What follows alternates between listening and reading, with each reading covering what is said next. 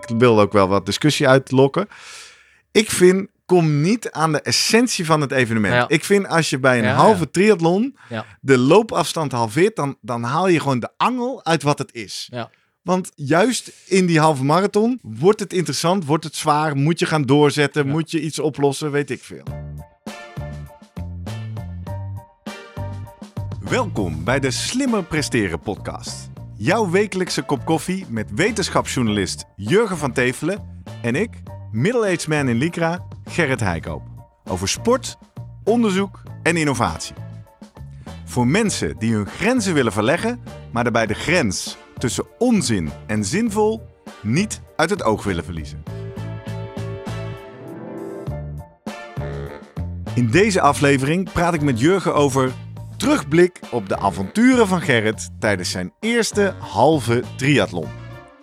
Na zijn knotsgekke avonturen op de marathon de afgelopen jaren vond Gerrit het eens tijd om weer eens een nieuwe uitdaging aan te gaan.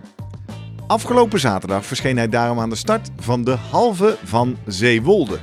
En ja, ook daar liep het weer eens heel anders dan hij had verwacht. De hoogste tijd daarom voor een terugblik. Voordat we beginnen, nog even drie dingen om aan te denken als jij zelf ook slimmer wilt presteren. Nummer 1. Druk nu gelijk even op abonneren, zodat je altijd direct in de gaten hebt wanneer er een nieuwe aflevering online komt. Nummer 2. Weet dat je Jurgen en mij ook kunt boeken voor jouw volgende bijeenkomst als spreker of presentator. Neem gerust eens contact met ons op via de contactgegevens hieronder. En 3. Deze podcast wordt geproduceerd en gesponsord door Live Online Events. Serieus goede content rondom jouw congres of event. Check www.loe.tv voor meer info. Ja, Jurgen, goedemorgen. Goedemorgen Gerrit. Midweeks, Ja. eh, een paar dagen eerder, een bonusaflevering. Omdat we toch maar eens even moeten gaan terugblikken. Bijzonder om een intro voor te lezen met mezelf in de derde persoon. Maar hier zit ik dan. Herken je jezelf een beetje in? Of, eh, Nou ja, Oké, zo het- kijk ik een beetje naar jou. ja, dit is, dit is, jij hebt hem geschreven, dit is jouw perspectief. Dus wat gaan we doen? We gaan even terugblikken op zaterdag. Hè? Mijn eerste halve triathlon. Weinig wetenschap, misschien wat anekdotes. En toch wel misschien een kritisch maatschappelijke discussie Ja, die we eh, Altijd goed, denk ik. al dan niet Ja. aanzwengelen of niet. Dus ehm, Maar eh, ten eerste, ja, je ziet, ik kijk een beetje naar je. Ja, eh, je Ja, ziet er goed ik zit hier op de bank. ik heb een eh medailletje. Hè? Zeewolde Endurance. Ja. Finisher. Maar ik kijk natuurlijk ook naar andere dingen. Ja, naar je benen, naar, eh, naar je gezicht. En eh, Ja, de, ja, we doen deze even audio-only, hè? dus Ja. eh, mensen gaan het niet zien op YouTube. De baard is eh, stoppelig. Ja. Hij was eraf. De benen zijn ook... eh, Kun je dat horen? Weet ik niet. Zijn ook stoppelig.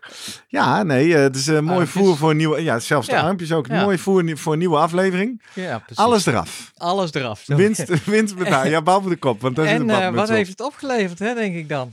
Ja, daar moeten we, eh, zoals beloofd, maar eens een aflevering over maken. Ja. Maar ehm, ik vond links en rechts al wat korte studies over bijvoorbeeld het voordeel van je baard eraf halen Ja. bij het zwemmen.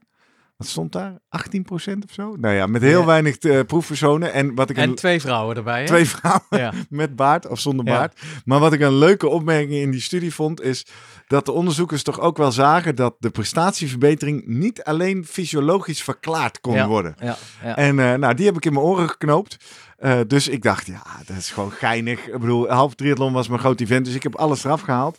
En ik kan wel eh, bevestigen, want even voor de goede hoor, ik vind dit belachelijk. Hè? Ik vind hier niks, ik vind hier niks gesoigneerd aan. Ik vind ook niet dat het moet. Maar je, het voelt wel anders. Ik, Zowel eh, bij het ja, zwemmen zeker. als bij het fietsen. Ja. Voel je het. En het was natuurlijk best een warme dag. En je, was hartstikke warm. je mocht geen pak aan bij het zwemmen. Dus dan denk je... Nee, ja, nou, voor de eh, luisteraars die dit wellicht later eens tegenkomen. Het eh, draait dus allemaal om zaterdag 24 juni 2023. De dag dat het nog net iets minder warm was dan de zondag daarna. Ja, Wat de Ironman eh, West-Friesland in Ho- Horen was met 1400 deelnemers. Bij ons was het een graad of 28. We starten s ochtends om 9 uur. En eh, nou ja, ik heb er 4,5 uur over gedaan. Ja. 4 uur 25 minuten. Dus dan ben je tegen half twee klaar. Hè? Dus dan zit je op het heetst van de dag in de zon. Zeker weten, ja. Maar dat klinkt even soepel. Nou, gefinished. Dat, dat Er stond een DSQ, volgens mij. Ik stond niet in de uitslag. Nee. Nee, dat klopt. Gedisqualificeerd. Gewoon Tenminste, gediscussieerd. Dat Nou, wacht even. Er stond, een- geen, er stond geen DSQ. ik moet het toch even zuiver maken. Ja. Nee, nee, nee. Ik stond niet in de uitslag. Ah, En dat komt natuurlijk omdat er iets in mijn data niet klopte. Ja. En, eh, Wat? ja, inmiddels sta ik wel in de uitslag, want ik heb die jongen van de Ja. gemaild. Ik zeg, ja, ja dat klopt en wel. jij, jij hebt weer iets geks, iets geks gedaan, hè? Ja, klopt wel een beetje. Ik, eh, wij kwamen aan in Zeewolde eh, zaterdagochtend eh, om een uur of wat was de planning? Kwart over zes op, zeven uur rijden. Acht uur aanwezig, ging allemaal keurig. Jij en Matthijs, je Samen met Matthijs heen gereden. Henry Ja. kwamen daar tegen. Ah. En Henry ter Steeg van de Heuvelrug Ja. Triathlon ook, die liep daar rond. En die zei, ja, heb je het al gehoord? Ja, ik denk, dat gaat dan over wetsuit, hè, want dat Ja. was spannend. Ja. Normaal is de grens 22 graden bij de korte afstanden. Maar, wist ik eigenlijk ook niet zo goed, maar een mooie meevaller. Bij zo'n lange afstand, bij een halve triathlon, dus 2 kilometer zwemmen, 80 kilometer fietsen en eh, Ja. 20 kilometer hardlopen, zou het, ehm, is de grens 24,5. Oh, wist ik ook niet, nee. Nee, dus dat is veel eh, warmer water waar je nog met een wetsuit mag liggen. En voor de niet-triathlonners, dat is fijn hè, want dan drijf je en dan hoef je alleen maar jezelf voor te trekken. Ehm, dus ik denk, nou, die komt ons vertellen dat het toch wetsuit zal worden, want het, het, het hing erom. Want Maar jij nee. had, eh, de, de, ze hadden wel elke dag aangekondigd. Nee, er was niet zo heel veel communicatie uit Zeewolde. ja. Maar op een gegeven moment kwam er wel een soort gerucht. Lang verhaal kort, 24,6. Nou, Net- 6! Dat je ja, steken we een meter Ja. dieper. calibreer even ja, wat die, eh, die ja, thermometer. goed. Non-wetsuit. Ja. Dat was de eerste kleine teleurstelling. ja, Hè? ja. Dan denk je nog even, nou, is dat dan nog van gisteravond? Het was best wel cool eh, opeens geworden, toch? Het had nog geregend Ja. die nacht. Maar goed, nou, nog een paar keer geprobeerd, maar eh, nee, eh, non-wetsuit. Maar nee, zegt hij, ze hebben het loopparcours gehalveerd. We gaan maar 10 kilometer lopen. Nee. nee. Wat nou? Nee, wat is er voor kul? Ja, nou, nou, dit is niet helemaal kul. Dan maak ik een voorschotje op de discussie die ik graag wil voeren. Dat is natuurlijk een, een veiligheidsmaatregel Ja. vanuit extreem weer. hey, eh, er lopen daar... Wij waren met 160 deelnemers. Even in relatie tot het evenement een dag Mhm. later in Hoorn. Dat is een fractie, hè? Ja. We waren Ja. echt met best weinig mensen. Ehm, en ja, werd gezegd, ja, want dan loop je te veel uren in de zon en Ja. het is te warm. En, eh, dus Even, want ze hebben natuurlijk meerdere knoppen aan, om aan te draaien. hè? Ja. Bij, eh, is dit Ja. een van de eerste acties die ge- gebeurt of meestal de ja, dat lijkt mij voren, niet. Ik ben natuurlijk eh, inmiddels zelf ook organisator, zowel van de Heuvelrug Triathlon als van de Uiltorenloop. Dus ik heb me ook verdiept in hitteprotocollen. Die treden inderdaad in werking vanaf 25 graden. Moet je extra maatregelen nemen. Ja. Maar dat zit bijvoorbeeld op het aanbieden van extra water. Minimaal iedere 2,5 kilometer. Dat zit op het aanbieden van verkoelende maatregelen zoals Ja. sponsen of douches. Dat zit op het waarschuwen van deelnemers en preventieve acties aankondigen. Dat, dat Ja, is in principe het nog- hitteprotocol. Nog niks met afstanden of Nou inkoop. ja, ik heb En de afgelopen nog- 48 ja. uur wat zitten googlen. Ja. Het staat als een mogelijke maatregel om de afstanden te verkorten. Maar ik kan tot nu toe niet achterhalen waarom, wanneer. Nee. Dus het lijkt een soort willekeur. Wanneer dus een, een medisch verantwoordelijke, want die maakt die call, dan afroept van, hé, hey, wij korten hem in. Terwijl, en dat, dat, is- dat ligt frustrerend. Nee, wacht even. Ik vond het zaterdag al verschrikkelijk frustrerend. Voor mezelf, als Ja. deelnemer. Kan ik zoiets over zeggen. Maar het werd natuurlijk nog gekker toen ze zondag Ja. bij eenzelfde evenement, waar het nog warmer was, Het opeens met nog veel meer Ja. deelnemers deze beslissing niet maakten. Toen dacht ik helemaal, what the fuck. Ja, maar nog even, want daar hebben we het straks wel over. Nou, Ja. de protocollen Ja, zijn ja, en eh, de regels. nee, dus eh, ik maar besloot ter plekke in de rij bij het inschrijven al toen het bekend werd. Ja, dat doe ik niet. Ik loop door. Eh, dat, Ja. dat zei jij tegen al dat die zei ik ook deelnemers? hardop. of, ja, eh, zeker. Ik zei, kom, we lopen En door. eh, kreeg je mensen die, eh, die Ja, tegen nou, jou dan- ingingen of met jou Nee, helemaal niet. Dan of, ontstaat er wat discussie. Ja. word je dan gedisqualificeerd? Oh, dan word je gedisqualificeerd. Nou, toen gingen we dat even op eens in laten werken. En dachten, nou, nee. Want normaal in een triathlon, ik heb in het verleden ook wel eens, hebben we hier in de podcast wel eens over gehad, een rondje te veel gefietst. Of een rondje precies. te veel gelopen. En dan, toen ging ik nog smeken bij de wedstrijdleiding. Kun je mijn tijd aanpassen? Nee jongen, jammer. Je bent zelf verantwoordelijk voor je aantal rondjes. En in Dus dit geval, want dit was hem wel met hoeveel rondjes moest acht rondjes Ja, maar nee, lopen? we moesten 11 rondjes Elf lopen. rondjes Het was, lopen. was een rondje van Ja. 1,9 Ja, kilometer. Ja, je kan je nog steeds zes rondjes vergissen dan of vijf. Ja, hè, ja, ik heb me een rondje of zeven. Nee, uiteindelijk. Kijk, want ik besloot het toen al en ik heb het dus Ja. ook gedaan. Dus ik heb. Ik heb eh, en toen ging ik natuurlijk gewoon op mijn klokje kijken. En het rondje was niet eens 2 kilometer, het was 1,8. Dus toen heb ik zelfs niet eens 11 rondjes gelopen, maar 12 rondjes. Want ik denk, nu maken we er ook een halve marathon van Oké, ook. Ik ja. ben nu toch bezig. met die Maar ik kan me voorstellen, Matthijs en Henry, die staan Ja. dichtst bij je. Ja, Ja. daar heb je de eh, discussie mee waarschijnlijk. Ja. Wat, wat zei je zij? Hebben zij het Ehm, ook gedaan? Henry heeft het ook gedaan. Oké. Matthijs heeft het niet gedaan. En Matthijs, eh kudos die, eh, die is ook wel... Die keurt het ook echt af. Ja. Hè, die heeft mij ook eh, zowel van tevoren als, eh, als onderweg als na afloop. Zijn jullie samen nog wel samen Jawel, gereden jawel, of niet? we zijn eh, goede vrienden. Maar hij, nee, hij vindt het helemaal niks. Nee. hij is eh, zelf natuurlijk ook medische professional. Hij Ja. was bij de Uilentorenloop Nee, dat, ook dat- onze hoofdcoördinatie EHBO. Dus hij, eh, nou, hij heeft er verschillende argumenten ingebracht. Ja. Hij zei ook tegen mij, ja Gerrit, je bent zelf organisator. Stel dat jij afkondigt bij de Uilentorenloop dat mensen minder moeten lopen. Ja. En ze doen het niet. Ja. Wat vind je daar dan van? Ja. Ja, mijn eerste reactie is en blijft nog steeds, ik denk ja, moet je lekker zelf weten, toch? Ja. Ik bedoel, ergens- Ik, ik vind namelijk, tuurlijk heb ik als organisator een verantwoordelijkheid om dan te zeggen: hé hey mensen, het is heel warm. We gaan de 15 kilometer niet doen. Iedereen moet na 10 kilometer stoppen. Prima, dat is mijn organisatorische beleid. Maar als er dan iemand zegt: ja, fuck you, ik loop wel drie rondjes, ik doe wel 15, dan moet hij toch lekker zelf weten, of niet? Ja, maar, ja, ergens wel, maar ik kan me, ik kan me goed in Matthijs verplaatsen. Want Ik denk, ook. ja, stel dat nou de helft van het veld dit doet. Ja. Ja, dan krijg je natuurlijk wel eh, ja, Nou ja, het dat- overzicht dat- raak je de- kwijt, nou ja, eh, hoger risico op. Kortom, eh, heb jij nog overwogen van even aan de organisatie vragen... hey, kan ik misschien nog een rondje van 11 kilometer doen, niet op het officiële parcours? Ja, heb je nog een leuk... eh, of, eh, ja, dat je even Nee, op hebt gekeken? Of, ja, ja, eh, ja. Nee, er ge- gebeuren een paar dingen. Maar nu slaan we het zwemmen en het fietsen over. Maar dat ging gewoon lekker. Ja. Zwemmen ging lekker. Het was cool. Het was non-wetsuit. Maar inderdaad, die beentjes, gladde beentjes, die gleden door het Ja. water. Ik voelde me goed. Ik was onder indruk hoe hard daar gezwommen Toch werd. wel, ja. Normaal zit Ja. ik best wel in de eerste kwart van het veld. Nou, brrr, kwam geloof ik als 48ste het Dus water van uit die van de 160. 160 was Ja. toch wel eh, best wel profi. Ja, joh, eh, zijn goed getra- ja. nee, zijn veel goed getrainde mensen. Ja. Ja, enige le- leuke, we komen zo terug bij het lopen en de is ook goed. doorlopen. Enige leuke wat me nog in het zwemmen is gebeurd. Ik vind het een heel leuk zwemrondje, want eh, je ziet veel.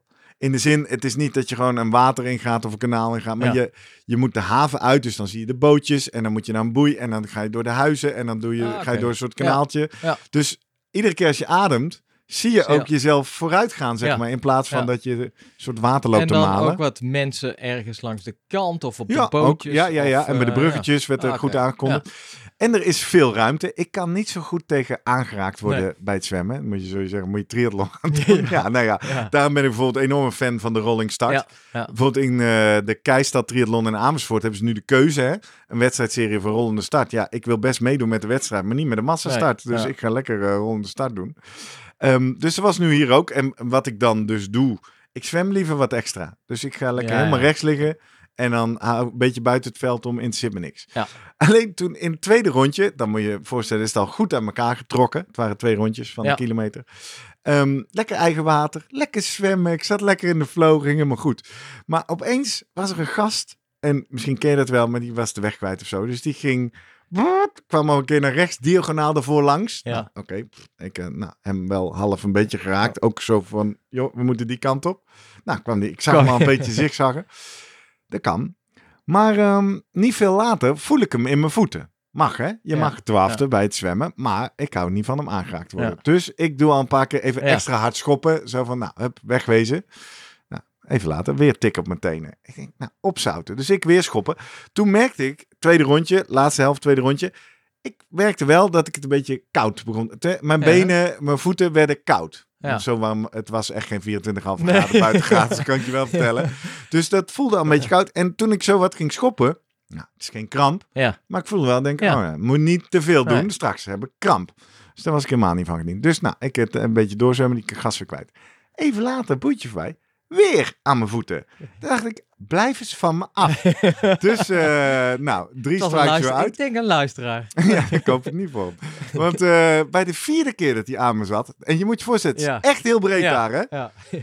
Ben ik op mijn rug gaan liggen, Oh ja? heb ik rugslag, benen even zo heb ik hem even opgewacht, heb ik zo met mijn tenen onder zijn neus gekieteld. En eh, nou, toen schrok hij natuurlijk in mijn hoofd. Dus hij had zijn badmuts ook als een soort Pinocchio-muts op zijn hoofd, zo helemaal verward. Ik zo, joh, zoek even je eigen water, opzouten. Nou ja, toen, toen heb ik hem niet meer gezien. Ik zag van de uitslag, volgens mij zit hij daarna is hij gewoon bij me in de buurt gebleven, maar Oh, heeft hij ja. me niet meer aangeraakt. Ja. Ja. Nou ja, goed. Dus dat was nog een soort van incidentje.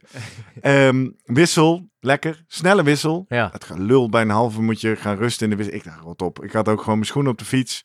Weg. Zeven man in de wissel gepakt. Dus als twee, nee, 41ste het eh, parcours op. Op de fiets. Ja, en toen... eh, ik vind het een mooi rondje. Het is een rondje van 20 kilometer over de dijk. En lange rechte wegen. Strak glas, Ja. glad asfalt. Dus je kan gewoon rammen. Veel wind? Eh, beetje wind. Ja. Beetje wind. Eerste stukken, ik denk windkracht anderhalf, twee. Ja. Beetje.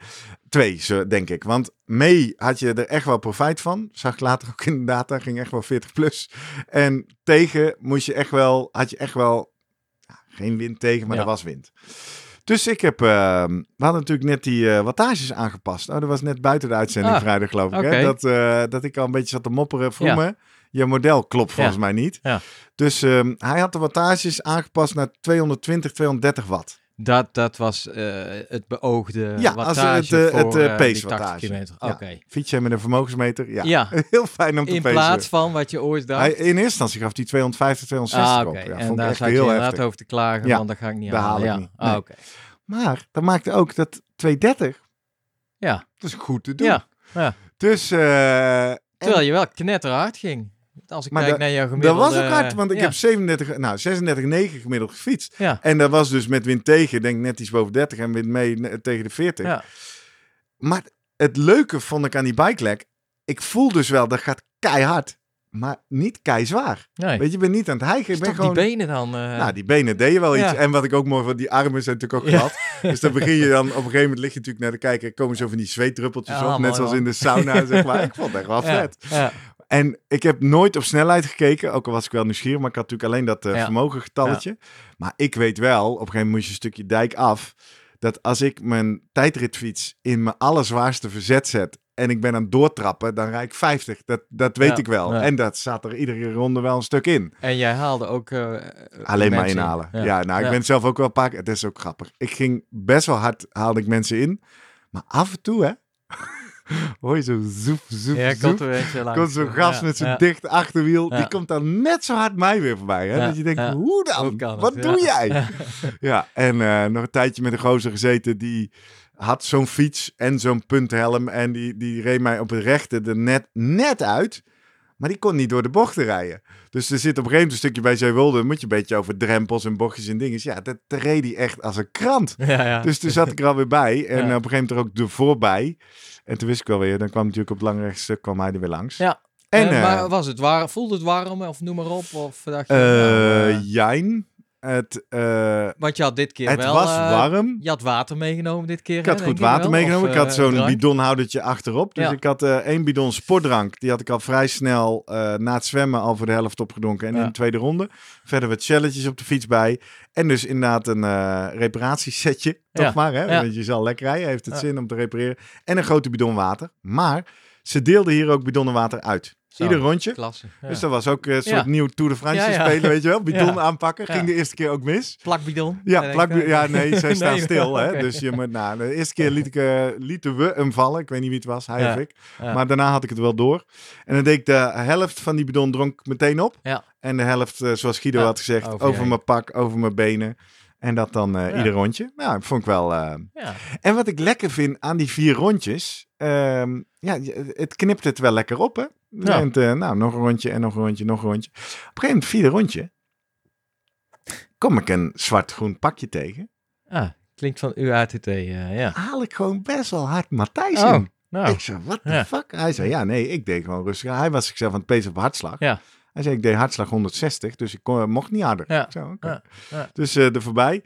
Eh, terwijl die jongen, die zwemt zeven, acht minuten harder dan ik, was hij het water uit. Ja. Dus echt wel veel opgelopen. Dus ik kwam als 23ste T2 in. Oké. Dus eh, lekker ingehaald. Ja. En, En, toen eh, dacht jij nog van, nou ja, en ik moet nog een halve marathon straks. Ik moet nog even een halve marathon Ja. lopen. Ja, zeker. Dus ik, had, eh, ik ging nog steeds wel voor een redelijk snelle wissel. Iets minder snel dan normaal. Ik ging even goed zitten. Want ik ging natuurlijk de schoenen met de dikke zolen aandoen. Ja. En die hebben geen goede tong. Dus dat, daar moet je even aandacht voor hebben. Veten strikken. Nou, dat ging op zich ook prima. En ik had eh, een bidon gebluste cola staan. Dus ik had al de dag van tevoren een blik cola in de bidon gedaan. De hele dag schudden, dat de prik eruit is. Klinkt als een experimentje, maar... eh, Nou, ja, dat heb ik niet vaak in training Ja. gedaan. Maar ik, had wel, ik, ik drink wel vaak na een training. Ik drink Ja. wel een colaatje weg. En ik dacht, ik moet niet die koolzuur hebben. Dus eh, nou, en die heb ik echt wel zeg mooi. Ik heb gewoon in één grote slok zo weggeknepen. Echt zo aan zo'n zo'n zo'n tuut gelurkt. en nou, hop weg. En ik had nog boterkoek liggen. Ah, ja. eh, eh, ter ere van Jacomine Eikenboom. Ja. Hè, als die het kanaal over kan zwemmen op boterkoek, dan... eh, Ja. Nou, er waren twee problemen mee. Eén, dat lag natuurlijk ook in de 28 graden volle zon. Dus dat zag er zo goed uit. En ik had toch geen zin in. nee, Ik had geen zin om te eten. kan me voorstellen. En ik heb ook nog een reep vaste voeding, nam ik in mijn hand mee. Heb ik uiteindelijk na twee rondjes ook weggelegd. Want ik denk, nee, ik ga niet... Nou, de maagdarm was toch niet helemaal blij, Ja. weet je wel. Ik kon wel die shelletjes wegdouwen en blijven drinken, maar... Dus, nou, en toen ging ik dus lopen, ja. Ja, Hard weg, te hard weg, doe je, hè. Want je komt van een snelle fiets. Dus ik ging eerst twee kilometers in 4 minuten 30. En dat was officieel wel het pace wat Vrooma had opgegeven. Maar ik dacht wel, nee, het is, toen was het inmiddels wel echt heet, hè. hey, maar eh, op, snelheid of op tijd? Nee, of op vermogen, pace. Oh, Maar ik weet wel, bij dat vermogen dan loop ik ja. 4 minuten 30. Ja, ja. Ehm, interessante observatie had ik op de fiets, maar die ging ook bij de, de- het lopen participeren. Je start natuurlijk om 9 uur 's ochtends. Mhm. En het leuke, ik denk ook dat dat het leuke is aan zo'n sport. Je bent natuurlijk alleen maar in het hier en nu. Dus voor je gevoel gaat de tijd niet verder, toch? Je bent Ja. begonnen aan de race en je bent verder. Dus op een gegeven moment op de fiets al, eh, die dijkwind eh, terug hadden we wind tegen. Dus ik dacht ook aan jou en de wielenbaan en de maakbare uur. Dus ik nou, kop naar beneden houden en niet te veel Ja. kijken. Dat kon ook, was verkeersvrij, lange rechte weg. Shruggen. moet je. Ja, shruggen. Ja. Maar dan kon je zo rechts naast je, zag je je schaduw Ja. naast je liggen. Dus dan kon ik ook mooi een beetje kijken hoe ligt mijn rug, ligt goed. Was in de eerste ronde. Reed, reed. Mijn schaduw zelf reed naast mij. Mooi. Maar wat viel mij op in ronde drie en in ronde vier? Die schaduw mij, die ging steeds verder naar Ja. achter. Ik denk, oh ja, ik ben natuurlijk zo lang bezig dat die zon draait en de schaduwen veranderen. En hetzelfde was in het lopenkoer. Eerste twee rondjes had je nog op de stoep aan het begin van het rondje schaduw van de bomen. Ja, dat was even later gewoon weg. Was er gewoon geen schaduw meer. Ja. Dat vond ik wel een interessante observatie. Kijk, je ik- was echt eh, super helder, man. Aan het ik observeren, helder. Ja, nadenken. zeker. Was opdracht, hè? eh, ja. Zat, eh, zat in de doelenband Kijk, van. Jens Verlier. Ja, Dus eh, nee, en toen, eh, maar goed, toen, toen voelde je wel, want wat, hoe laat zal het tegen die tijd geweest zijn? Nou, dat zal rond kwart voor twaalf, half twaalf zijn. Dus toen voelde je ook wel het lopen keer, holy shit, het is echt warm. ja. Het was ook echt flinke zonkracht. En ik had natuurlijk in mijn kop dat ik eigenwijs Ja. ging doen. Of eh, kwam toen ook even dat je denkt, ach, ga gewoon 10 kilometer, punt. Dat, en daar heb ik nog lang over nagedacht de afgelopen dagen. Dat is niks. Wat is nou een halve triathlon Ja. met 10 kilometer hardlopen? Ja, het maakt mij, eh, eh, als je naar mij kijkt, maar ja, ik, eh, ik zit, zit er denk ik heel anders in. Ja, ik zou zeggen, nou ja, het is zoals het is op dat moment. Of, eh, Ja. ja. of het nou niks Het zou is. kunnen. Eh, en ik, ik heb natuurlijk al een iets wat gemankeerde halve triathlon, want ik kreeg Ja. al gelijk commentaar Ja, op ja. Strava. hey, 76 kilometer gefietst, heb je een rondje te Ja. weinig? Ja, Ja, dat lijkt wel, die- want officieel is de afstand natuurlijk Ja. 90 die kilometer. triathlon-puristen, hè? Ja, ja, dat, ja. eh, Nou hebben ze in Zeewolde al afgekondigd dat het 80 zou Ja. worden. Dat zie je wel vaker bij halve triathlons, volgens mij bij Ter Heide ook en bij Ja. anderen ook. Alleen, nou bleek het rondje ook nog eens 19 kilometer te zijn. Ja, dan wordt het 6, 7. Toen dacht ik later wel, als ik hier ooit terugkom, dan fiets ik er ook Ja, ja. gewoon 5. Want Ja. dan kom je op 95 uit. Dat is eigenlijk maar 5 kilometer te veel. Maar goed, lang verhaal kort. Ehm, ik heb, nee, ik had wel van tevoren, ik dacht, ik moet wel committeren aan eh, de halve marathon. Want, en niet onderweg gaan zitten twijfelen. Nee. Want stel dat het zwaar wordt, ja, dan kruip je er dan uit. Ja. Ik heb ook nog, want ik had natuurlijk tijd om na te denken. Denk ik, waarom ben ik hier nou zo koppig in? Heeft ook wel te maken met eh, doelen stellen. Ehm, ik ging oorspronkelijk mijn eerste halve triathlon in 2020 doen.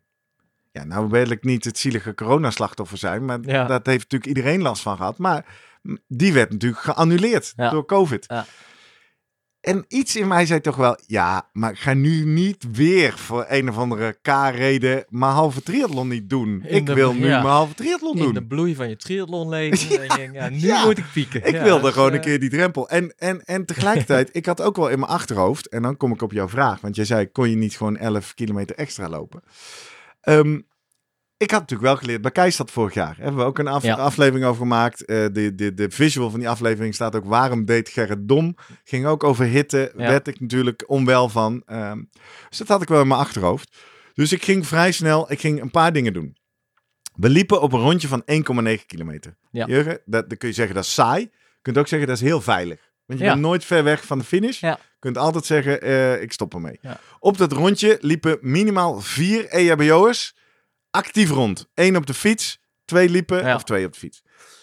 Op- gebeurde nog wel eens wat, zeg maar. Nee, Maar ik heb niks gezien. heb Ik heb ook geen ambulances gehoord. gezien? Nee, nee, nee, Ja. nee, nee. Maar daar zal de organisatie... Nee, want we lieten ze maar 10 Nee, maar kilometer daar, lopen. dat dacht ik ook van. Dit vind ik wel heel veilig, inderdaad. Wat Het je is heel veilig. Kijk, als je nou een parcours Nee, maar hebt ik- met... maar een- nu, nu komt hij echt veilig. Ja, Op een rondje van 1,9 kilometer stonden twee waterposten. ja. Ja. Met sponsen Ja. en sproeiers. Ja. Jurgen, ik zal je vertellen, maar dan komen we op het einde van de halve marathon.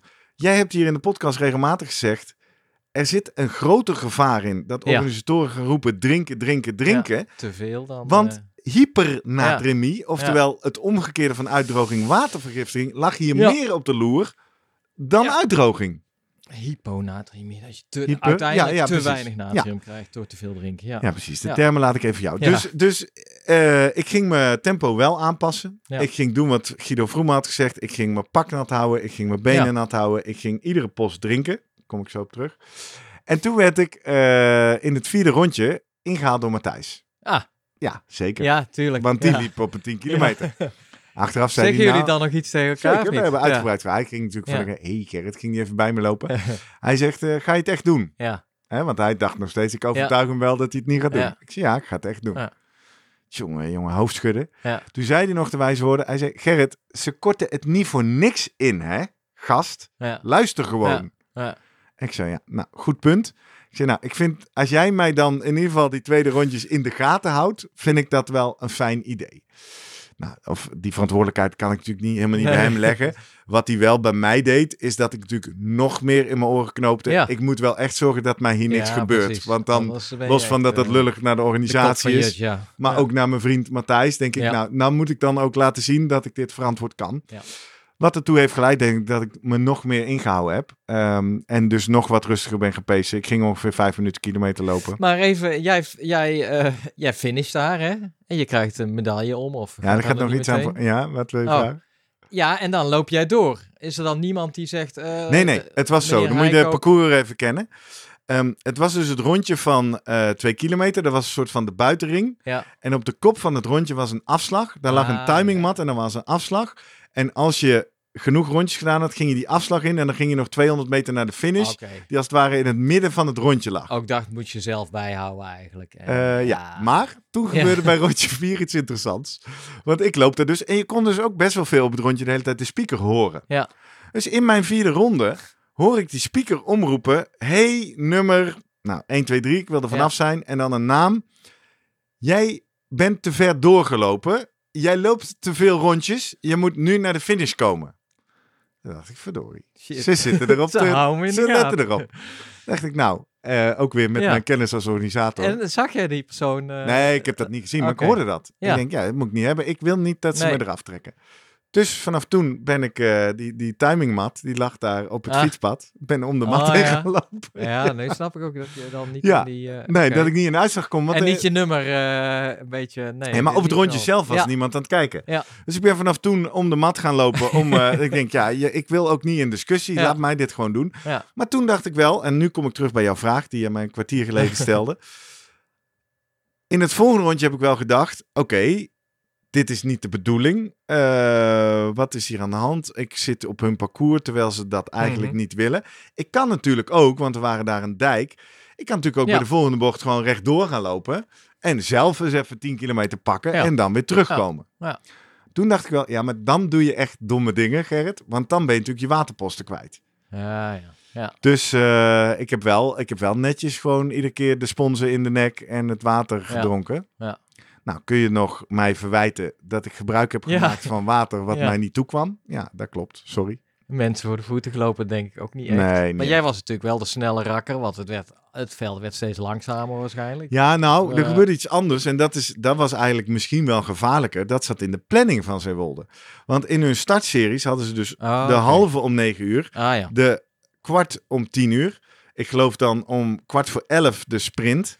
Maar als je dat even doordenkt, iedere opvolgende afstand wordt korter. Kortom, Wij zaten allemaal tegelijk op het loopparcours. Oh, dus, Dus op een wel- gegeven moment werd ja. het echt wel heel druk op het loopparcours. Ja. Tot een punt dat zelfs die twee waterpostjes Ja. het niet meer aankonden om iedereen proactief van water te voorzien. Ja.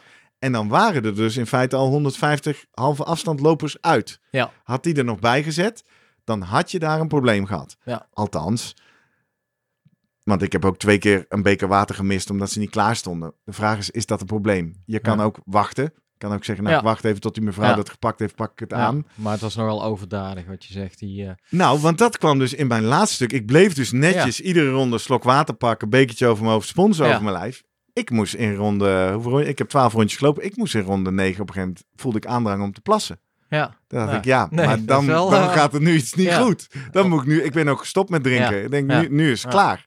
Dus toen heb ik alleen nog gekoeld. Ben jij de enige die dit gedaan heeft, denk je? Nee, Henry had er vier gevonden. Oh ja. Dus Henry heeft het ook gedaan en die heeft daar wat op Heeft- zitten kijken. Die had er vier gevonden. Terwijl in het startvak bij het Ja. zwemmen stonden nog wel meer mensen heel stoer. Oh, we lopen met z'n allen door. Ja, Ja. ja. Ja. Oké, en, en nou ja, uiteindelijk finish je. En dan en, staat komt er er iemand, dan nog iemand van de organisatie eh, later? Nee, ben heb je niet nog iets omgespiekerd. gehoord? Nee. Eh, nou, en toen, daar was wel een beetje een Ja. gemengd gevoel. Want ik voelde me ergens natuurlijk wel een beetje Ja. paren. En mensen die nu behoefte voelen om mij een eikel te noemen, dat mag. het is natuurlijk, ik hou me niet aan eh, wat er wordt en. Matthijs die stond trouw op je te wachten. Ja, ja, Was- die heeft mij netjes alle rondjes en, eh, aangekomen, ja, eh, ja. af- eh, aangemoedigd. Ja, ja. Ja, Marga van eh, de Heuvelrug Triathlon stond bij de verzorgingspost, dus daar heb ik even fijn mee staan praten. Ja. En toen ehm, was ik klaar. Moe maar voldaan. Heel moe maar voldaan. Ja. Ik had wel op een gegeven moment heel even zo'n emotiemomentje, net zoals bij die marathon. Ja, Maar verder, Jurgen, Ja. ik vind een marathon echt veel zwaarder. ja. Ik vind het echt... Ik Terwijl weet niet waarom. Terwijl ik ben stukje langer bezig. onderweg. Ja, Ja, marathon doe ik in 3,5 Ja. uur of nog sneller. Dit was 4,5 uur, 4 uur 25 minuten. Ehm, ik vond het nergens. Ik ben nergens een man met de hamer tegengekomen. Ik heb nergens mentaal moeten stoeien. Dat kan misschien komen omdat ik dus ook extra voorzichtig ging lopen. Hè? Ik denk Ja. als ik op 4,30 was blijven lopen, dat ik natuurlijk wel meer uitputting was tegengekomen. Eh, van, ja, je, in mij, ja. Maar ook je- de dag daarna. Ja, En ook ja maar je had ook de, er naartoe, hè, zei je ook van. het Ja, ik werd er ook niet dan, zenuwachtig eh, van. Ja, Ik ben voor die marathon, zelfs mijn zesde marathon Ja. afgelopen april, ben ik de hele week Ja. echt wel een beetje in de rats. Ja. Het lukte niet. Ik moest mezelf kunstmatig daar een beetje intrekken. Ga nou eens visualiseren. Ga nou eens nadenken. Ga nou eens... Ik kwam donderdag erachter dat ik helemaal niet nagedacht had over eten op het loopparcours. ja, Zeg. Matthijs, hoe neem jij die jelletjes mee op het loopparcours? Huh? Huh? Oh ja, dat is wel een goed punt. Ja, tweede startnummerbandje is Ja. de tip. Ja, Ja. ik heb gewoon een extra startnummerband met lusjes aangedaan. Nou, dat vind ik wel interessant. eh observatie. ja, nou, nou ja, goed. De conclusie moet dan zijn dat de hardlopen dus dusdanig meer belastend is, fysiek, mentaal, dan eh, bij een marathon. Ja, dat, Dan i- dat het is je- natuurlijk gewoon voor je benen een belastendere sport om drie uur lang te doen. Ik heb natuurlijk ook niet drie Ja. uur hard gelopen. Dat zal je bij een hele triathlon natuurlijk wel Ja. tegen gaan komen. Dat is spannend. Ehm, fietsen en zwemmen is minder belastend. Maar ergens mentaal ook. Op een of andere manier zag ik het mentaal als drie losse dingen. Twee kilometer Ja. zwemmen, 80 Ja. kilometer fietsen, half Ja. marathon lopen. Ja. Ik heb dat, ja, ook omdat ik die ervaring natuurlijk niet had, maar ik heb dat nooit aan elkaar kunnen knopen. En Nee. ik moet zeggen, achteraf ook niet. Gewoon afvinken. Eerst een stuk zwemmen Ik ga dat doen Nou, en dan ga ik dat doen en dan ga ik dat doen. en dan, eh, Ja. ja. Met mensen wie ik hierover die zeggen ook, ja, je zit natuurlijk nu ook, op- ja, wacht, nu moet ik nuanceren. Ik ben natuurlijk ook niet een PR gegaan. Het doel was natuurlijk ook Ja. finishen. Ja. Dus ik, ik heb ook, kijk, ik denk dat Vroemen zal zeggen, ja vriend, maar jij had best 250 kunnen fietsen. Dat Ja, zit in jouw kunnen. Ja. Maar dat durfde je niet. Dus ik heb je op 230 gepeest. Ik denk als ik 250 watt had gefietst en 4 minuten 30 op mijn halve marathon was gaan lopen, Ja. dat ik natuurlijk wel me helemaal uitgepierd had. Dus dat is meteen de vraag. Wanneer is de volgende voor jou, Gerrit? Om, eh, of eh, wil jij dit PR eens gaan aanscherpen? Heb Ja, nou ja, wel. PR op triathlons kan je natuurlijk nooit Nee. vergelijken, want Nee. eh, parcours en wisselzone en weet ik, Ja. zijn nooit gelijk. Eh, En als je nog een keer in Zeewolde wordt uitgenodigd, eh, denk je dat ze boos zijn? Nee, ik denk het niet, joh. Ik bedoel, ik, eh, heb, je- heb je contact? Nou, laten we daar maar. Heb Ik, je eh, contact met je met nee, niet gehad? met zoveel. Ja, wel met de timer. Ja, Want ik stond natuurlijk niet in de uitslag. Dus Ja. toen heb ik een mailtje gestuurd. Ik zei, ja, ik heb, eh, ik heb een moeilijke laatste ronde gehad. Ik heb even op Dixie gezeten. Dus als jij ziet in de data Ja. dat mijn vierde ronde... en dat het dan een uur duurt voordat ik bij mijn laatste rondje kom... ik zeg, dat klopt. ja. Nou, toen stond ik weer in de uitslag. Maar dus dan ergens achteraan. Eh, ja, 121ste. Ja. ja. de man, de man die, maar een niet uur, laatste. die een uur op, een, op de dictie zat. Ja. Ja, nou ja, het is een beetje flauw. Ik, had er nee, ook geen probleem mee gehad als ik niet in de uitslag stond. Ik bedoel, uiteindelijk doe ik het daar voor mezelf. Maar dat had ik zocht. Ik denk, ja, ik Ah. ben hier ook voor mezelf. Nou, gelukkig, want toen jij, jij appte natuurlijk even en toen dacht ik, oh, ik had een heel beeld voor me dat mensen langs de kant, de organisatie, jou uit de wedstrijd Nee, trekken nee, en dat nee, je nee, zei, nee, ik nee. ga door en dit en dat. Ik denk dat ze in Zeewolde dit verder niet een hele Nee. sympathieke actie vinden. Nee, Alhoewel, alhoewel, dat is het andere verhaal. Maar goed, het, het is ook een verwarrend ding. Sta ik bij de prijsuitreiking. Mhm. Interviewtje met de winnaar op het podium. En hoe vond je het? En baalde je dat het lopen was ingekort? Ja, zegt hij. Daar baal ik wel van. Aan de andere kant, dan had ik denk ik niet gewonnen. Want Dirk Wijnaldum was tweede. Mhm. En die had me dan in het lopen wel gepakt. Ja. Waarop die speaker, wat een or- die zit in het stichtingsbestuur van Zeewolde, tegen hem zegt... Ach, je had natuurlijk ook gewoon na de finish nog even 10 kilometer Ah, ja? kunnen doorlopen. Als een, als een grap. dus weet je, ja, natuurlijk was het ja. grap, maar ik bedoel, Ja, en dan komen we bij het hele punt wat me dus ook wel een beetje stoort. En waarom ik naar Horen Ja. ben gaan kijken. En waarom ik naar protocollen ben gaan kijken. Waarom ik een column van Klaas Boomsma naar Ja. jou door heb. ja. Ik vind het ook wel een beetje betuttelend. Ja Hoezo nee, ja. kunnen we in Ja, Nederland juist niet... in, in het perspectief van wat er de dag erop gebeurt. Ja, Want oké, maar inderdaad- dan- je kunt zeggen dat wisten ze zaterdag niet. Nee, nee, maar nou ja, goed. Maar als je het dan dit hele weekend op een rij zet, want nou ja, goed, hoe ik dat eh, ervaarde, ik zat lekker bij Consultancy op Ja, zaterdag. toen ben jij nog geweest? Ik Ook denk, een leuk nou ja, weekend. Ik denk, zo kan je weekend door. Maar ik, eh, wij reden zondag terug en toen was inderdaad op Radio 1. En gewoon Nieuws, in- hè? ik denk, oh jee, ik Ja. ken mensen die er meedoen, zei ik nog tegen mijn vrouw. En eh, als Ja. dat maar goed gaat. En eh, denk, ja, als het het journaal haalt, dan heb je een voorstelling van, nou, da- daar vallen eh, doden misschien nog net niet, maar het gaat er heftig aan toe. Ik, moet, ja. eh, ik bedenk me opeens, ik moet één nuance maken. Jij vroeg, eh, ging het mis in Zeewolde? Dat ging inderdaad zaterdag niet mis. Zij hebben vrijdag wel een, een incident gehad. In de zin, vrijdag is er wel een ambulance geweest, omdat er een deelnemer moest worden afgevoerd. Wat hadden ze vrijdag dan? Ja, hadden ze ook al de militaire triathlon en de Oh, scholieren triathlon. oké. En de, de, daar Ja. hadden ze ook al allerlei series. ja. Dus ik snap ergens wel dat als organisator zit je natuurlijk niet te wachten op ambulances op nee. je parcours. Ja. Aan de andere kant, twee dingen. Eén, zeker bij een triathlon, of het nou een Ironman is of een halve triathlon. Het feit dat het niet zomaar lukt. Het feit dat je er knijterveel Ja. voor moet trainen. Dat je hitte moet acclimatiseren. Ja. Dat je goed moet eten. Dat je moet verzorgen. Ik- En dus dat het mis kan gaan. Ja. Is toch ook precies wat het interessant maakt? Ja, ja ik, en Of ik, niet? ik denk dat bij een half triathlon de, eh, pak een beetje, getraindheid van de deelnemers een stukje beter is dan Ja. bij een marathon vaak. Ja. Dat Want, toch, eh, eh, hebben wij in de podcast ook vaker over gehad. Ik was betrokken bij die Dam tot Damloop in, moet ik het goed zeggen, ik denk 2019 of 2018. Waarin, wij toen, eh, waarin toen meer dan 50 ambulances naar Zandam moeten, omdat allemaal mensen Ja. bevangen werden door de hitte. Ja. Naar aanleiding van dat evenement zijn natuurlijk ook al die hitteprotocollen aangepast. Ja. Maar daar was het ook, dat is een 10 mijl, wat mensen denken, oh dat is een 10 kilometer. Dus daar had je heel veel ongetrainde mensen, die ook nog eens op een soort intensiteit van Ja. een 10 kilometer Ja. weggingen. Ja.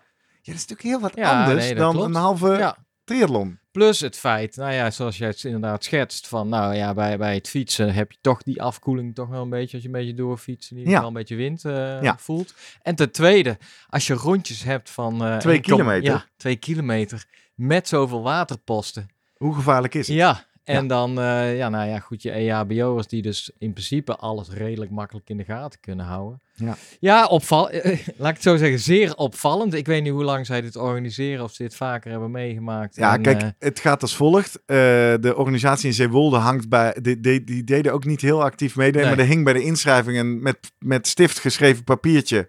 loopparcours ingekort naar 10 kilometer oh ja, op eh, besluit van de NTB. Ja. Dus die schoven hem ook Ja. een soort van af. Ik heb gisteren ook nog even contact gehad met de NTB. En die zeggen dan, ho, ho, ho, ho, dit is wel in overleg met de organisatie, hoor. ja oké. Toen Dus- vroeg dus- ik aan de NTB, goh, was horen Ironman Horen West-Friesland ook onder jullie auspicie? Ja, daar waren wij Hm. ook. Nou, dan snap ik het al Nee, helemaal niet. Nee. Maar goed, dan kun je nog aan die andere parameters zeggen... oké, maar misschien was daar meer medische hulpverlening. Ja. Eigenlijk, het, ik vind het helemaal niet interessant...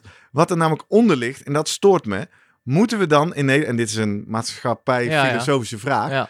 moeten we naar een nul-incidentenbeleid toe? Ja. Mag er dan niks misgaan bij zo'n evenement?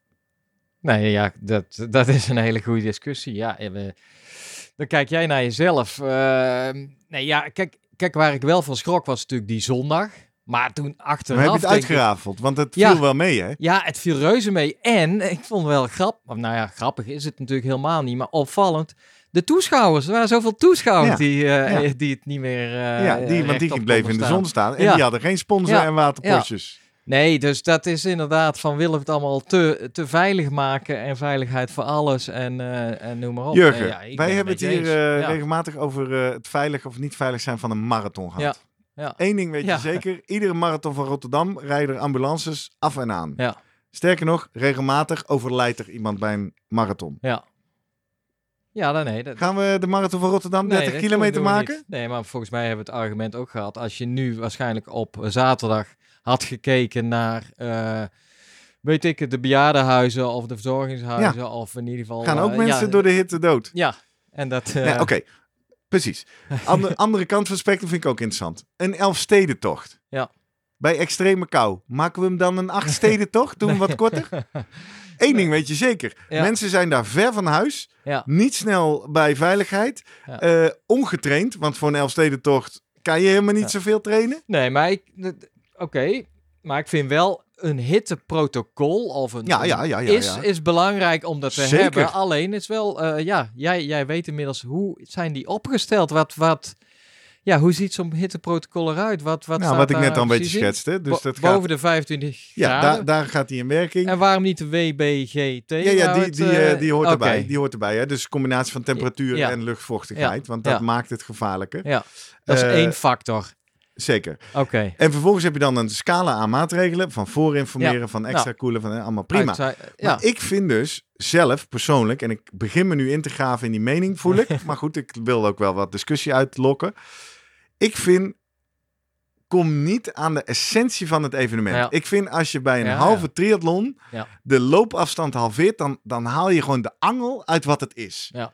Want juist in die halve marathon wordt het interessant, wordt het zwaar, moet je gaan doorzetten, Ja. moet je iets oplossen, weet ik veel. maar Gerrit, eh, je hebt te maken met blauwalg bij het zwemmen. Ja. Dan wordt ook besloten van we We gaan, rennen. Maar hoe Ja. sta je daar dan in? Wat dan? eh, Ja, goede challenge. Ik denk, kijk, blauwalg zwemmen kun je niet aan ontkomen. Uitstappen ah, ja. kan natuurlijk wel, omdat je te warm wordt. Maar dan, en dan komen we op de nuance. Even shout-out naar Rob van der A. Zit ik al twee weken mee op Instagram, links en Ja, rechts. ja. Eh, ook naar aanleiding van Terheide. Ja. Twee weken geleden in Terheide was ik in de kwartriathlon ook zo bloedheet. Mhm. Ben ik uitgestapt. Rob stuurde mij een Instagram post door van een of andere triathlon of influencer. Die schreef dat ze kotsend, zwetend, weet ik veel. En eigenlijk had moeten uitstappen, maar het niet gedaan. had. Mhm. En Rob zei, ik stoor me echt kapot aan alle reacties daaronder. Dat mensen zeggen, oh wat goed dat je hebt doorgezet. Ja, ja. Knap het, wat klopt dit dan? Hij zegt, moeten we niet met elkaar een gesprek gaan voeren dat het veel belangrijker is om ook uit te kunnen stappen? Mhm. En toen zei ik, ja Rob, helemaal met je eens. Ja. Ik, bedoel, ik heb het ook Ja. één keer niet gedaan en in. Terheide wel gedaan. Maar ja, het maakt natuurlijk wel uit wat je doel is. Want Terheide was voor mij een oefentriathlon. Ik had andere dingen te doen die dagen. Eh, ja, precies. Zaterdag was mijn aan, A-event. aan de atleet. Ja. Daar, daar, eigenlijk, daar volg ik je wel in. Kijk, al- voor iemand die altijd zegt... Het gevoel is belangrijk. Ja. En een atleet is één ding echt... eh, die moet op zijn gevoel afgaan. En daar kan ook een gevoel bij horen. Jongens, ik, eh, vandaag lukt het niet. Of ik... Nee. eh, de- ja. En je hebt allerlei beschermingsmateriaal, laat ik zeggen, in je, in je hersenen die al gaan, gaan sputteren. Of zeggen van... Ja. hey, dit is geen goed plan. Nou ja... Ik denk dat dat, eh, dat ja, nee, ben ik eh, op zich, Ja, want daar de- kan ik goed eh, de met- maatschappelijke met vraag is namelijk, mag er dan geen ambulance rijden of mag er niemand de EHBO... Te, eh, waarom heb je EHBO'ers daar staan? Ja.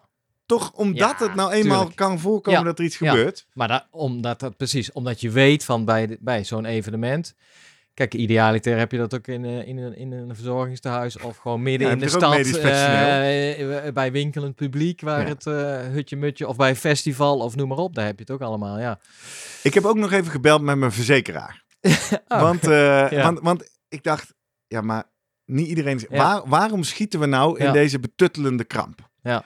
En dan zijn er wel een paar dingen die ik heb gevonden. Als ik bij de Atletiek Unie, want als je, als je goed graaft, Ja. wordt er uiteindelijk verwezen naar hardlopen en Atletiek Unie. Oké. Als je daar kijkt, staat er, staan er twee verwarrende dingen. Namelijk één, eh, een organisator is verantwoordelijk Mhm. voor, de, Ja. voor het welzijn van de deelnemer. Dat staat een soort van als één. Oh, Ja. oh, Ja. Oké, interessant. Vervolgens staat er bij punt drie ook, de deelnemer is verantwoordelijk om fit aan de start te staan. Dus weet je, dat Ja. ondergraaft dat eigenlijk Ja. wel weer. Dus ik eh, mijn verzekeraar gebeld. Ik zeg, ja, die uittoren lopen ze wel voorbij. Maar eh, stel, daar gaat daar Ja. iemand onwel en er komt een ambulance. Ik zeg, hoezo? Ben ik dan verantwoordelijk? Ik dacht, het staat toch altijd deelname op eigen risico zo exact. bij, eh, Staat in mijn ja. voorwaarden bij de uittoren lopen. eh, Je bent zelf verantwoordelijk voor je eigen deelnemer. Toen zei mijn moeder, ik heb het echt over 48 uur al nergens aan te. Ja. Toen zei mijn moeder terecht, zei ze, ja, maar ik weet wel dat bij de rechter ooit, bijvoorbeeld bij garderobes, Uh-huh. als jij je jas inlevert voor 2 euro, Ja, en er staat dan ophangen op eigen risico. Daar is wel juri- jurisprudentie over dat de rechter dat verwerpt. Hè? Want die zegt, luister, als jij een dienst aanbiedt, Ja. dan kun je niet zeggen vervolgens als je jas gestolen Ah, is, ja, oké. sorry, was Ja. eigen risico. ja, Vind ik toch nog wat anders. ja. Want als organisator bied ik wel een dienst. Jij kan meedoen aan een evenement. Maar helemaal eindverantwoordelijk zijn voor jouw gezondheid vind ik nog wat anders. Dus ik bellen met mijn verzekeraar. Nou, zegt hij. Ik had hem eerst gemaild en ze hadden het even uitgezocht. Hij zegt, kijk. Hoe het zit is, ja, jij hebt een verantwoordelijkheid, maar die houdt ergens op. Dus hij zegt, alleen dit is grijs gebied. Ja. Dit is nou typisch grijs gebied. Waar houdt de verantwoordelijkheid van de organisator op en begint de verantwoordelijkheid van de deelnemer? Dus zegt hij, een deelnemer die wordt afgevoerd met de ambulance en eh, naar het ziekenhuis moet en thuiskomt met een rekening van 2000 euro en die daar kwaad mee wil, Mhm. die zou daar wel Ja. eens mee naar een rechter kunnen gaan. En jou aansprakelijk eh, kunnen Ja. stellen voor die kosten. En hij zegt, dan ben je afhankelijk van de willekeur van de... Of Ja. niet de willekeur, sorry, rechters zijn niet verkeerd. Maar dan ben je afhankelijk van het oordeel van de rechter. Ja. En dan gaat de rechter kijken... Heb jij als organisator voldoende maatregelen genomen om dit te voorkomen? Ja. En dan kun je dus afvragen, is waarschuwen, extra Ja. water, dingen, zijn allemaal maatregelen. En inderdaad, parcours inkorten is ook een maatregel. Ja.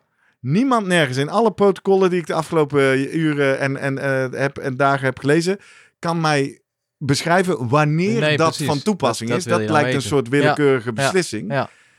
En, en die jongen van die verzekeraar zei ook, ja, als organisator zit je er gewoon niet op te wachten. Nee. Dat je naar een rechtbank moet en dat je in onzekerheid zit of die rechter het Ja. inderdaad met jou eens is dat waarschuwen, water, koelen, Ja. EHBO Genoeg is. voldoende is.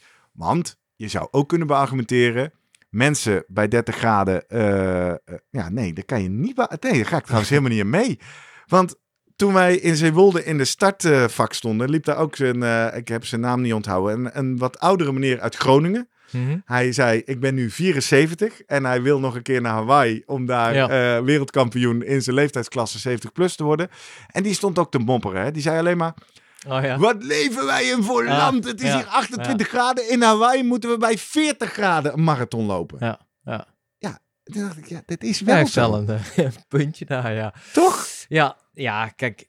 Eh, Nou, leven wij is, niet op Is dit Hawaii? wel eens gebeurd van eh, dat mensen... Nee, een- Nee, nee, nee, want zei die jongen ook, ze hebben Oh, gezorgd, laten er is geen rechtsvaart. Dus Ja. het is allemaal Ja, een soort angst, ja, preventief, betuttelend beleid. Dat vind ik het echt. Ja. dus daarom is het goed om het erover te hebben. Ja, dat vind ik wel. ja. En ik roep ook Ja. iedereen op om mee te praten Ja. en mee te reageren. Want, wa- en, en dan zal ik nu komen tot mijn conclusie. En die is dan helaas weer genuanceerd. Nou, je mag me aanspreken op mijn gedrag. Want uiteindelijk ben ik er wel uit. Je zou kunnen betogen op het moment dat je een wedstrijd organiseert. Met een uitslag en prijzen. Mhm. Dan Ja, ja. creëer je natuurlijk een soort externe druk. Ja. Waarin je tegen deelnemers zegt. Jij moet deze afstand volbrengen. Anders haal je het niet. Ja, ja. Nou was ik natuurlijk een deelnemer die zei... het interesseert me Nee. geen reet waar ik kom in die uitslag. Ik wil voor mezelf gewoon die prestatie doen. Maar eigenlijk, Dus. ik denk dat 140 van die 160 Toch? deelnemers er zo in zitten. Ja. En ik voel me dan bestolen van mijn Ja. uitdaging waar ik naartoe wil. Ja. Dus volgens mij is de genuanceerde standpunt als volgt. Ik zou het mooi vinden als organisatoren in dit soort scenario's en waarbij ze echt denken, hey, Ja. veel deelnemers. En dan vind ik dus 160 deelnemers niet veel. Als je een dag later ziet dat er 1400 gaan starten. Nou oké, 700 op de halve afstand. Eh, ze moeten kijken hoeveel medische staf hebben staan. Hè. Dat kan ook een reden zijn als je met twee vrijwillige E EHBO'ertjes staat. Dat je misschien zegt, nou dat vinden we toch niet helemaal veilig. Of we hebben geen ijsbad of we hebben geen spons. Oké, dat kan een afweging zijn. Maar als je zegt, ik heb water, ik heb waarschuwing, ik heb sponsen, ik heb... Hè, dat je afkondigt, luister, de wedstrijd Ja, wordt het lopen gehalveerd. Dus mensen die voor het podium gaan, die gaan na 10 kilometer finishen. En mensen die hier komen om voor zichzelf een halve triathlon te doen, die moeten dat gewoon lekker doen. Ja. Toch? Klinkt, eh, ja, ik vind het ik, fantastisch eigenlijk. Slim. Dat lijkt mij de oplossing. Ja, Eh, en ik hoor graag van mensen waarom dat niet een oplossing zou kunnen Ja. staan. Volgens mij doe je dan recht aan beide dingen. Oh, doe je een, een wedstrijdsport waarbij je zegt, hey, daar zit een soort externe, daar zitten eigenlijk perverse prikkels. Hè? Want, want Klopt. jij zegt ook, luister naar Daar je gaan gevoel mensen inderdaad dieper. Of, om, om de uitslag te halen. Nee, We zeggen, nou oké, dan halen we die prikkel weg. Ja. En dan mag jij hier gewoon je sportieve prestatie voor jezelf doen. Ja. Toch? Ja, heel slim. Heel, eh, nou, ik eh, ben benieuwd. Ik sluit me hierbij aan. Ik vind het. eh, Zullen wij een, een oproep doen? De Slimmer Presteren podcast. De oproep om, voor aanpassing van het hitteprotocol. Richting dus de Atletiek Unie, de Nederlandse Triathlonbond. Ja. En alle wedstrijdorganisatoren. Ja, mooi, eh, mooi gepolderd zo op deze manier. Op zich wel. Alle, en eh, eh, nee, omdat ik ook echt wel echt mijn Ja. stinkende best heb Ja. gedaan de afgelopen 48 uur. Om beide perspectieven te begrijpen. Maar ik hoop ook toch dat ze het perspectief van een deelnemer begrijpen. Ja. Die hier maanden naartoe traint. Ja. En denkt, hoezo? Ja, ik denk dus het, eh, waarschijnlijk wat er op vrijdagavond daar is gebeurd, of bijvoorbeeld die vrijdag. Ja, dat Ja, zij is heeft natuurlijk hun- enorm geschrokken. Ja. Kak, ambulance op bestuur. Op het en eh, dat, parcours. eh, dat heeft eh, heel zwaar meegewogen, denk ik. Maar daarmee is het wel eh, juist het contrast inderdaad met de Eh. dag erop. Met in, eh in en wie ik Horen. niet heb kunnen bereiken, eigenlijk zou ik nog wel iemand van Golazzo of Champion Ja. kunnen. Want, want inderdaad, bij, bij marathons. Ja. En dat vond ik ook leuk. Leuk, ja. Nou, volwassen in die reactie van Ironman in dat NOS-artikel. Toen zei Ja. ze, ach, acht mensen onwel, daar kijken wij niet van op. Ja, Ja, jongens, je kan dat toch gewoon normaliseren. Het is een extreme sportieve uitdaging. En die is zo extreem omdat er nou eenmaal mensen zijn die het niet halen. ja. Dan maakt het interessant. En media hebben hier natuurlijk een beetje kwa- eh, een behoorlijk kwalijke rol in, vind ik. Door geen enkele nuance te, eh, te bieden. Nee, in dat was het betoog van Klaas En, Boomsma. eh, ja. Kijk eens wat een heikerigheid Ja, ja. op die aantallen. En niemand die dan nog de dag daarna even uitlegt van, nou, om hoeveel mensen ging het uiteindelijk? Wat, wat is er gebeurd? Wat, eh, ja, liggen mensen nu nog in het Nou ja, Ironman had dus die reactie wel staan bij de NOS, maar dat haalt het niet Nee. tot de kop. Nee, precies. En dat zegt Klaas Boomsma wel mooi in zijn column. Die zegt ook, ja, het is ook geen interessante Nee. kop voor de Ja, NOS, hè? ja. Ironman zegt, nou, normaal aantal hittegevallen bij dit soort Ja, dingen. Ja. ja. Nou ja, anyway. Ehm, dat was de nabeschouwing. Ik vond het in ieder geval superleuk. Ik heb er in ieder geval op dit vlak als organisator en deelnemer veel van geleerd. Ja. Eh, jij vroeg al wanneer is de volgende? Nou, ik denk niet meer dit jaar, want ik heb al een vrij volle agenda met Renkum op 26 augustus. Ja. Lekker recreatief in de Keistad. Ik zit wel te twijfelen, want ik, mijn niveau is wel lekker. Ik zou wel voor het podium willen racen. Maar ja, bij die, bij die rollende start maken ze geen uitslag. Nee, Misschien moeten we even... Ik weet dat er wat mensen van Keistad luisteren. Ja. Misschien moeten we even zeggen dat ze toch ook een podium maken voor de serie met de rollende Ja, start. niet doen, want dan wordt het misschien weer net Oh ja. eh Daar 15 wordt weer gevaarlijk van, hè? Ja, nee, dat moet is je waar. niet doen. Geen podium bij de Nee. recreatieve serie. Dat is eigenlijk Misschien net wat ik betoog. prima. Ja. Ja. dat is eigenlijk mijn eigen betoog net. Heel goed, ja. Kies voor een rollende start, dan weet jij gewoon altijd al. Van, Dan mag je eh, altijd gewoon eh, rustig gaan doen. En, eh, ja, en dan kun je dus ook, als je dan toch moet inkorten, dan ga je dus de wedstrijdserie Ja. inkorten en niet de recreatieve eh, serie. Maar we zijn er al uit eigenlijk. Ja, we hebben de oplossing Dus, eh, gevonden. ja. Ik was aan het doen, wat ga ik allemaal meer doen na Keistad? Oh, dan hebben we natuurlijk nog ehm eh Heuvelrug Triathlon 9 september. Kan ik zelf niet racen. Nee, maar wat... nee, het zal... Nou, stel dat het daar dat kan. 26 graden is. Nee, maar dat kan. En dat was wel... Kijk, ik had natuurlijk een beetje dubbele pet toen ik de NTB mailde. Ja. Ik heb het gevraagd als organisator. Ik wilde natuurlijk ook weten als deelnemer. Ik, ik, laat dit alsjeblieft voorspelbaar zijn. Precies, in plaats dat grijze gebied, dat, eh, dat, dat, ja, daar willen we een beetje uit, denk ik. Ja. Laat het gewoon helder zijn. En dan weet ik dus ook, voor de Heuvelrug Triathlon maken wij ook geen podium. Nee. Dus zullen we dus ook nooit inkorten. Nee. En alle maatregelen... Nou, daar kan ik... Ja, ho, ho. Dit was een gedachte-experiment. Ik kan hier niet hard zeggen dat we nooit inkorten. Maar wat mij betreft, korten we nooit in. Zetten we water neer. Hebben we Ja. EHBO'ers lopen. eh, Doen we alles. Maar ook daar, hè, we hebben een nieuw parcours. Loop je nu lopend, loop je rondjes van 2,5 kilometer rondom de waterpost. En rondom de finish. Ja. Dus mocht jij 9 september denken, ik trek het niet. Nou, uitstappen. Ja, nee, je bent nooit ver van huis. Ja. Toch? Ja. Klopt. Mooi. Ja. Hey, eh, eh, lekker lange nabeschouwing zo. Eh, ik ben heel benieuwd wat jij er allemaal van vindt. Of je een duit in het zakje wil doen. Hoe jij misschien afgelopen weekend hebt geraced in Zeewolde of in Hoorn of in Voorst of in... Rotterdam was ook eh, iets geloof ik. Ja, Rotterdam NK. eh Gasselte heet het zo. Ja, was er ook een. Daar ging Rob volgens mij een derde doen. Nee, Hasselt. Hasselt was het. Anyway, lang verhaal kort. Heel veel triathlon races afgelopen weekend. Hoe ben jij omgegaan met de hitte? Ben jij uitgestapt toen het niet ging? Heb jij, ben je zo verstandig geweest om je aan te passen? Of lag je met een hitteberoerte s s'avonds Ja. in je bed? Of uh, consultatie, dat je daar was en dacht van zo, ook behoorlijk warm. Was het was warm? Ja, was ook geen hè, maar- Was wel koeling. Eh, gratis water? Nee, ja, wel gratis water inderdaad. Ja, Dat, ja, eh, ja. Heel verstandig. Ehm, of als je zegt, ik ben organisa- organisator... Lars, Ja. bijvoorbeeld, als je dit hoort. En eh, je ziet echt iets gruwelijk over het hoofd, vriend. En ik zou je dat eens uitleggen. Nou, dan Ja. wil ik dat heel graag horen. Want ik, ah, ik, ik, ik kan me voorstellen dat ik ergens een blinde vlek heb in, eh, in al dit eh, geredeneer. Eh, dan horen we het ook graag. Of als je gewoon, het gewoon pertinent met ons oneens bent, of juist eens. Reageer dan via een van de volgende manieren. Op social media zijn we de Slimmer Podcast. Op Instagram, op LinkedIn en op Twitter. Daar maak ik van deze aflevering natuurlijk ook weer een post. En daar kun je dan op reageren. Of die kan je hartjes of duimpjes geven. Zodat zoveel mogelijk mensen dit horen. En ga ons vooral daar even volgen. Dan weet je ook meteen als er bijvoorbeeld zo'n bonus uitkomt, zoals vandaag. Of ga naar onze website www.slimmerpodcast.nl. Dan vind je van iedere aflevering, ook van deze, een eigen pagina met een link die je weer kan door WhatsAppen of doormailen of doorsturen naar iedereen voor wie het relevant is. Of stuur ons een mailtje via post.slimmerpodcast.nl. Zo, nou, nu kunnen we door naar. Over twee dagen zijn we er alweer. Vrijdag Ja. is natuurlijk vrijdag. Hebben wij een scheidaflevering. Kan ik gelijk nog even iets oplossen? Ja. We gaan het daar hebben over eh, eh, ja, nu- number two. Hè? Poepen rondom eh, voor en rond de wedstrijd.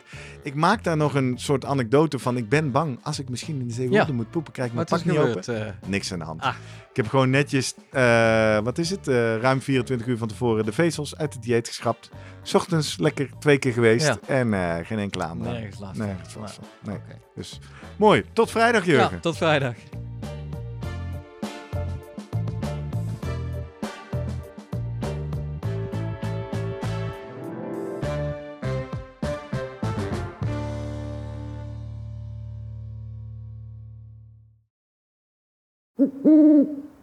Hey, pst. Voordat je weggaat, denk er nog even aan. uilentorenloop.nl. Dan zien we je de eerste zaterdag van juni. Tot dan!